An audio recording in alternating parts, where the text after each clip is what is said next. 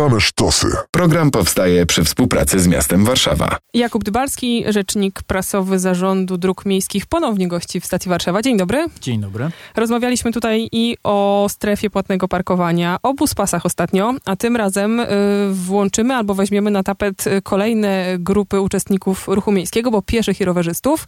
To dlatego, że pomówimy o kładce pieszo-rowerowej, która powstanie niedaleko zupełnie naszej redakcji, ale to oczywiście dopisek. Wspominaliśmy o niej przy okazji rozmów o nowym centrum Warszawy, bo kładka jest jego elementem, a dzisiaj spróbujemy się jej przyjrzeć tak może funkcjonalnie, infrastrukturalnie.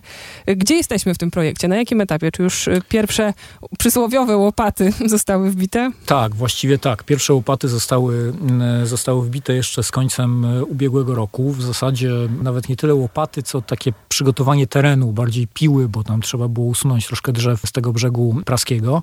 To już wykonawca ma za sobą, no a teraz przygotowuje, przygotowuje się na, na wiosnę, e, przygotowuje plac budowy, dlatego że siłą rzeczy właśnie z tego praskiego brzegu tam do budowy będzie więcej, no bo jakby z tego brzegu zachodniego, no to w zasadzie e, ten most trzeba będzie dołączyć do bulwarów, natomiast tam trzeba będzie przejść przez, e, przez ten zarośnięty brzeg Wisły i do, dociągnąć ten most aż do Wybrzeża Helskiego. Ta część przy bulwarach na wysokości ulicy Karowej, a po drugiej stronie zawsze mówi się o ulicy Okrzei. Okrzei, tak jest. Czyli kiedy za kilka lat, zaraz powiemy za ile, zejdziemy z kładki, wyjdziemy właśnie prosto na Okrzei, pomijając wybrzeże po drugiej stronie? No plan, plan jest właśnie taki, żeby, żeby przechodząc z bulwarów można było spokojnie kładką przejść e, przez Wisłę i wyjść na ulicę Okrzei. Nie na samą ulicę, trzeba będzie jeszcze przejść przez, e, m, przez wybrzeże, no ale przez przejście dla pieszych, również przejazd rowerowy, wyjdziemy na ulicę Okrzei. E, No i my to często powtarzamy, że tak naprawdę ten most to jest taki wstęp do tego, żeby iść dalej z rewitalizacją dalszej części Pragi. To znaczy, jak zbudujemy most, no to siłą rzeczy trzeba będzie również przebudować samą ulicę Okrzei i dalej w kierunku ulicy Ząbkowskiej, tak żeby powstał taki bardzo ładny, przyjemny e, pasaż, którym będzie można przejść e, od strony bulwaru, w zasadzie od strony tego wszystkiego, co mamy po tej stronie Wisły, więc e, kampus uniwersytecki, gdzieś tam dalej, dalej idąc Karową, Stare Miasto, właśnie na tę starą, starą Pragę, która przecież też ma gigantyczny potencjał. Chodzi o to, żeby łatwiej się było tam dostać. Trzeba myśleć o tej kładce jako o jej takiej funkcji mm, codziennej, transportowej, czy jednak rekreacyjnej, bo pewnie część słuchaczy pomyśli sobie, dlaczego ci piesi czy rowerzyści nie mogą jednym albo drugim mostem, śląsko-dąbrowskim czy świętokrzyskim. I to, i to. To znaczy my bardzo, po, bardzo podkreślamy tę rolę transportową, to znaczy przede wszystkim możliwość przejścia z jednego brzegu, e, z jednego brzegu na drugi. Oczywiście to się bardzo często powtarza to pytanie, a dlaczego nie skorzystać z mostu, który jest obok? No on nie jest tak do końca obok. Znaczy na ten most trzeba się wspiąć, trzeba z niego zejść. To wcale nie jest takie, e, takie łatwe, a tutaj tak naprawdę zyskamy możliwość przejścia w ciągu kilku minut z jednego na drugi brzeg. Ja bardzo lubię takie porównanie, że to jest w zasadzie brakujący element ulicy Karowa-Okrzei. To znaczy mamy ulicę Okrzei, mamy ulicę Karową, a w środku ulicy nie mamy, tylko mamy Wisłę, która w tym momencie jest barierą, a wcale rzeka w takim dużym, nowoczesnym mieście barierą być nie musi. Chyba taki ciekawy, różnicujący element się pojawił, czyli łagodne podejście i łagodne zejście, bez wind i schodów. Tak, tak naprawdę to będzie w zasadzie w poziomie, w poziomie bulwarów wejście na ten most i, i zejście e, po drugiej stronie. Właśnie o to chodzi, żeby tu nie było żadnych krętych e, kładek, wejść, zejść schodów. To ma być takie proste przedłużenie bulwarów e, w bok. 452 metry długości. Czy mamy sobie wyobrażać oddzielenie strefy pieszej od rowerowej? Nie, nad tym też się, też się zastanawialiśmy. To też jest element, który budzi dosyć e, duże dyskusje. W końcu uznaliśmy, że nie będzie na moście e, podzielenia na strefę e, pieszą i rowerową. No z bardzo prostej przyczyny. To jakby nikt by tego nie przestrzegał. No jakby ktoś tam wszedł, chciał obejrzeć Wisłę z jednej i z drugiej strony, to po prostu szedł z jednej i z drugiej strony. Znaczy taki podział oczywiście można by było wprowadzić, ale on by, byłby trochę, trochę fikcyjny po y, moście będzie się, będą się piesi i rowerzyści poruszali mniej więcej tak jak po bulwarach. Tam też... Już mało wiary w tych pieszych i rowerzystów. Przecież byśmy się dostosowali do tych znaków. No, jeżeli, jeżeli tak, jeżeli rzeczywiście jedni i drudzy będą e, wzajemnie e, z szacunkiem do siebie podchodzić, no to wszelkie takie podziały nie są przecież potrzebne i spokojnie się tam pomieszczą. Ile szerokości? Różnie. Ta most będzie miał od niecałych 7 do ponad 16 metrów. Natomiast tej powierzchni użytkowej to będzie właśnie około 6-7 metrów. W dwóch miejscach na moście będą takie szersze miejsca, to nazywamy strefami, strefami wypoczynkowymi. To będą takie miejsca z może nie tyle z ławkami, co z takimi jakby budowlami, przy których będzie można usiąść, odpocząć. Takie dwa, takie dwa miejsca mm, planujemy. Kiedy wejdziemy albo wjedziemy na e, most pieszo-rowerowy? Cała budowa jest zaplanowana mniej więcej na dwa lata, troszkę, troszkę więcej. Dokładnie to, to jest 118 tygodni, więc skoro zaczęliśmy pod koniec ubiegłego roku, to do końca 2023 roku, początku 2024 roku most e, powinien być gotowy. No i tak liczymy, że, że nie będzie żadnych opóźnień, że to wszystko się uda. Natomiast już w tym roku no, ci, którzy będą spacerować e, oboma brzegami Wisły, to będą widzieć e, efekty. Pierwsze, pierwsze elementy konstrukcyjne mostu będą się wyłaniać powoli z, z biegu Wisły. A ci, którzy się przemieszczają, czy to po Wiślem, czy po drugiej stronie, będą też musieli przygotować się na zmiany w organizacji ruchu? Staramy się to robić tak, żeby te utrudnienia były i po jednej, i po drugiej stronie jak najmniejsze. Po stronie bulwarów raczej nie powinno być jakichś większych, e, większych utrudnień, nic czego nie dałoby się mm, objechać. Po stronie praskiej jest tam taka ścieżka, która jest bardzo uczęszczana, chętnie uczęszczana przez mieszkańców tamtych terenów. Oni tam biegają, czasami nawet ktoś wiedzie na rowerze. Będą mieli trochę trudniej, dlatego że ta ścieżka będzie drogą dojazdową dla maszyn e, budowlanych, ale bardzo dokładnie rozmawialiśmy z wykonawcą. On ma bardzo zwracać uwagę na to, jak będzie tam jeździł i kiedy, kiedy będzie to robił.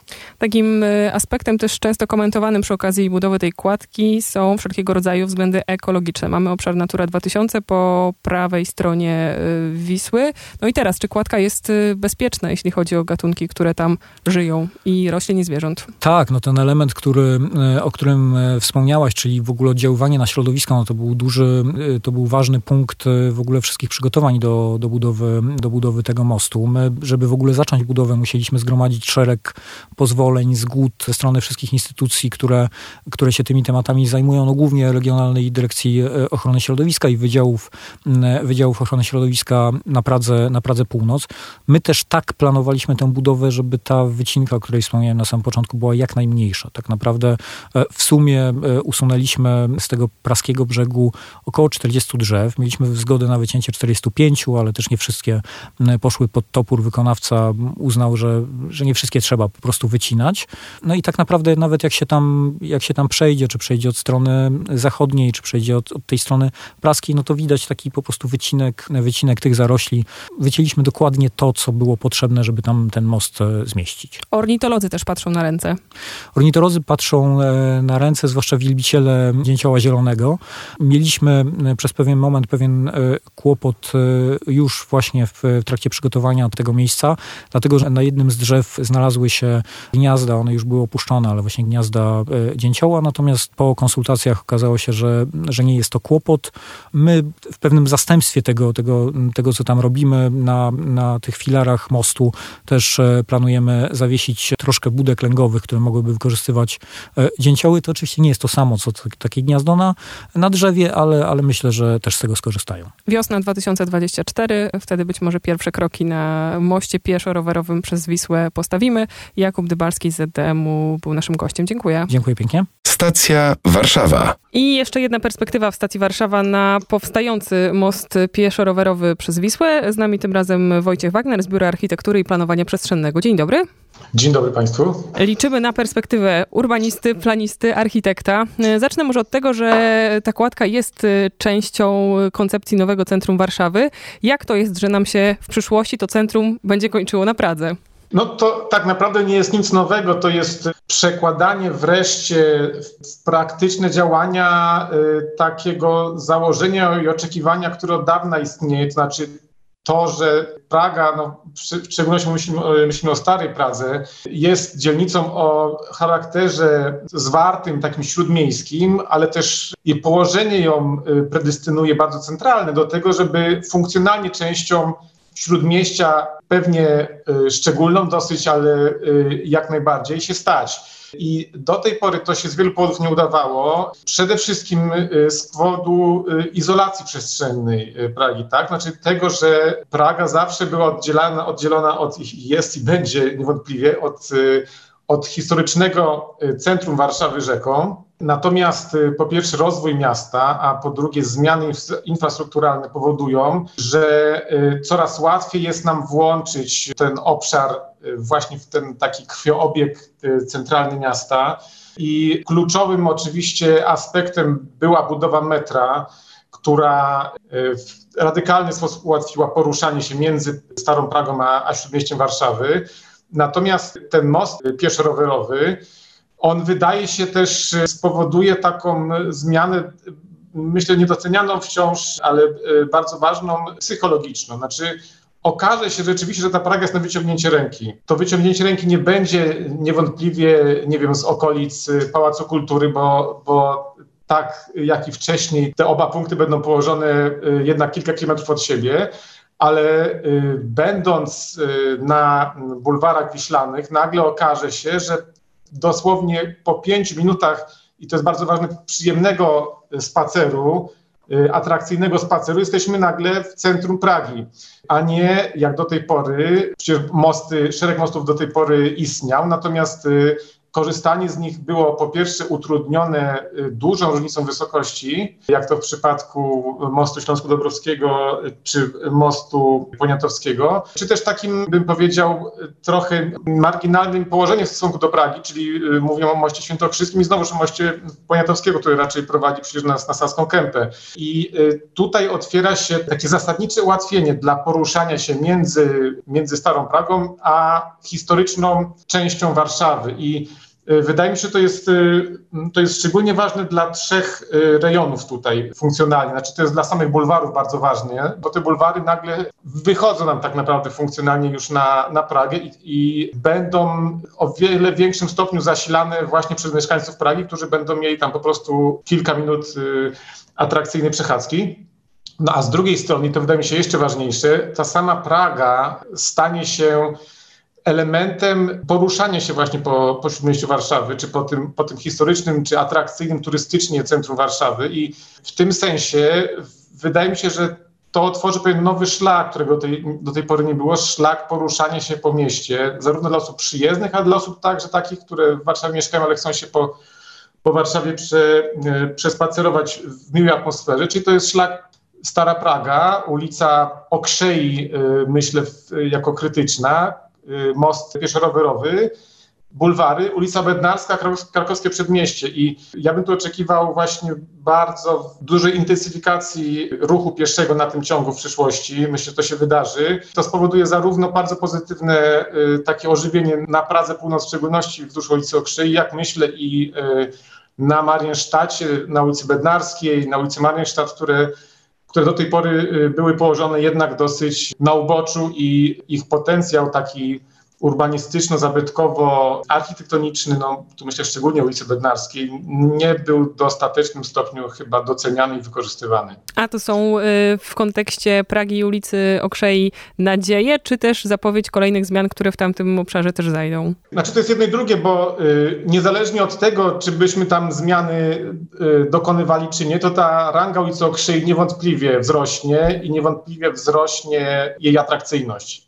Natomiast oczywiście będzie to wymagać czynienia działań, które będą to wspomagać y, i jakby dostosują obecną formę tej przestrzeni, tej ulicy, która jest, no, nie ma się co oszukiwać, średnio atrakcyjna, do tego zwiększonego zainteresowania. I niewątpliwie jest to y, zadanie, które miasto będzie musiało zrealizować i ta ulica Okrzei y, stanie się trochę taką jedną z takich ważnych dróg wjazdowych właśnie na, do centrum Pragi, którym niewątpliwie nadal pozostanie ulica Targowa. A to połączenie, czyli Okrzei po stronie praskiej i tutaj Bedenarska Karowa po stronie zachodniej, to był taki jedyny i konieczny wybór. Myślę na przykład o tym, czy taki przelot, nie wiem, Saska Kępa Solec też nie byłby dobrym pomysłem. Y, no to jest tak, że oczywiście każde połączenie jest w jakiś sposób korzystne, bo y, wzmacnia te tereny, które są łączone, tworzy jakieś y, atrakcyjne skróty itd., tak itd. Tak no ale siłą rzeczy to wszystko jest kosztowne i ma też swoje jakieś negatywne strony, więc wymaga to optymalizacji działań. I no, wydaje się, że, że w tej chwili no, miasto nie stać na, na więcej realizacji tego typu jednocześnie. A dlaczego ta? No, było kilka propozycji, również można, można było rozważać propozycje bardziej na północ, na wysokości Starego Miasta. Natomiast tutaj to połączenie wydaje się jednak najbardziej korzystne pod względem uruchamiania potencjału samej Pragi. Znaczy tutaj trafiamy w, w serce tej Pragi i, i właśnie w to serce, które wymaga, wydaje się, no, takiego dużego impulsu. I, I, również to połączenie nam najlepiej koresponduje z, z takimi funkcjami turystycznymi czy reprezentacyjnymi w mieście, jeżeli chodzi o Wisłę. Y, więc w tym sensie to się okazało najbardziej optymalne i też nie budziło z drugiej strony kontrowersji, jeżeli chodzi o zaburzenie chociażby widoku na Starówkę, bo, bo taki problem występowałby przy lokalizacji bardziej na północ, powyżej już y, poniżej jeżeli chodzi o bieg rzeki poniżej mostu Śląsko-Dąbrowskiego. I tu dzisiaj stawiamy kropkę w temacie mostu pieszo-rowerowego. Wojciech Wagner z Biura Architektury i Planowania Przestrzennego był naszym gościem. Dziękujemy bardzo. Dziękuję bardzo. Program powstaje przy współpracy z miastem Warszawa. Tu Radio Campus.